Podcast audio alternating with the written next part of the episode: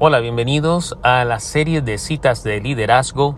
Y hoy te tengo una cita de Mark Sanborn, un autor y ponente en industria del liderazgo. Y dice que cualquiera, en cualquier lugar, puede marcar una diferencia positiva.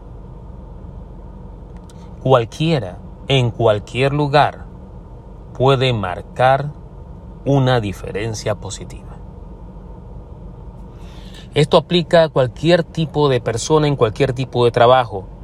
Pero como este es un podcast de liderazgo, esto aplica para ti, como líder. Una vez más nos damos cuenta que no importa en la posición que tú estés. No importa en el lugar que te encuentres. No importa para la organización que trabajes. Donde sea que tú estés.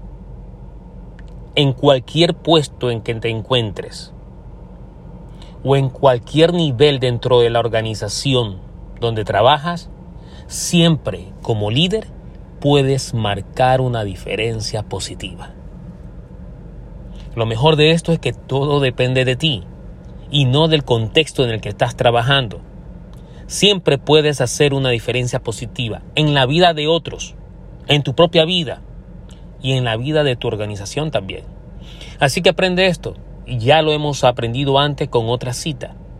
Liderazgo no es posición, liderazgo no es autoridad, liderazgo es influencia, liderazgo es acción y liderazgo también es marcar una diferencia positiva en la vida tuya y en la vida de otros.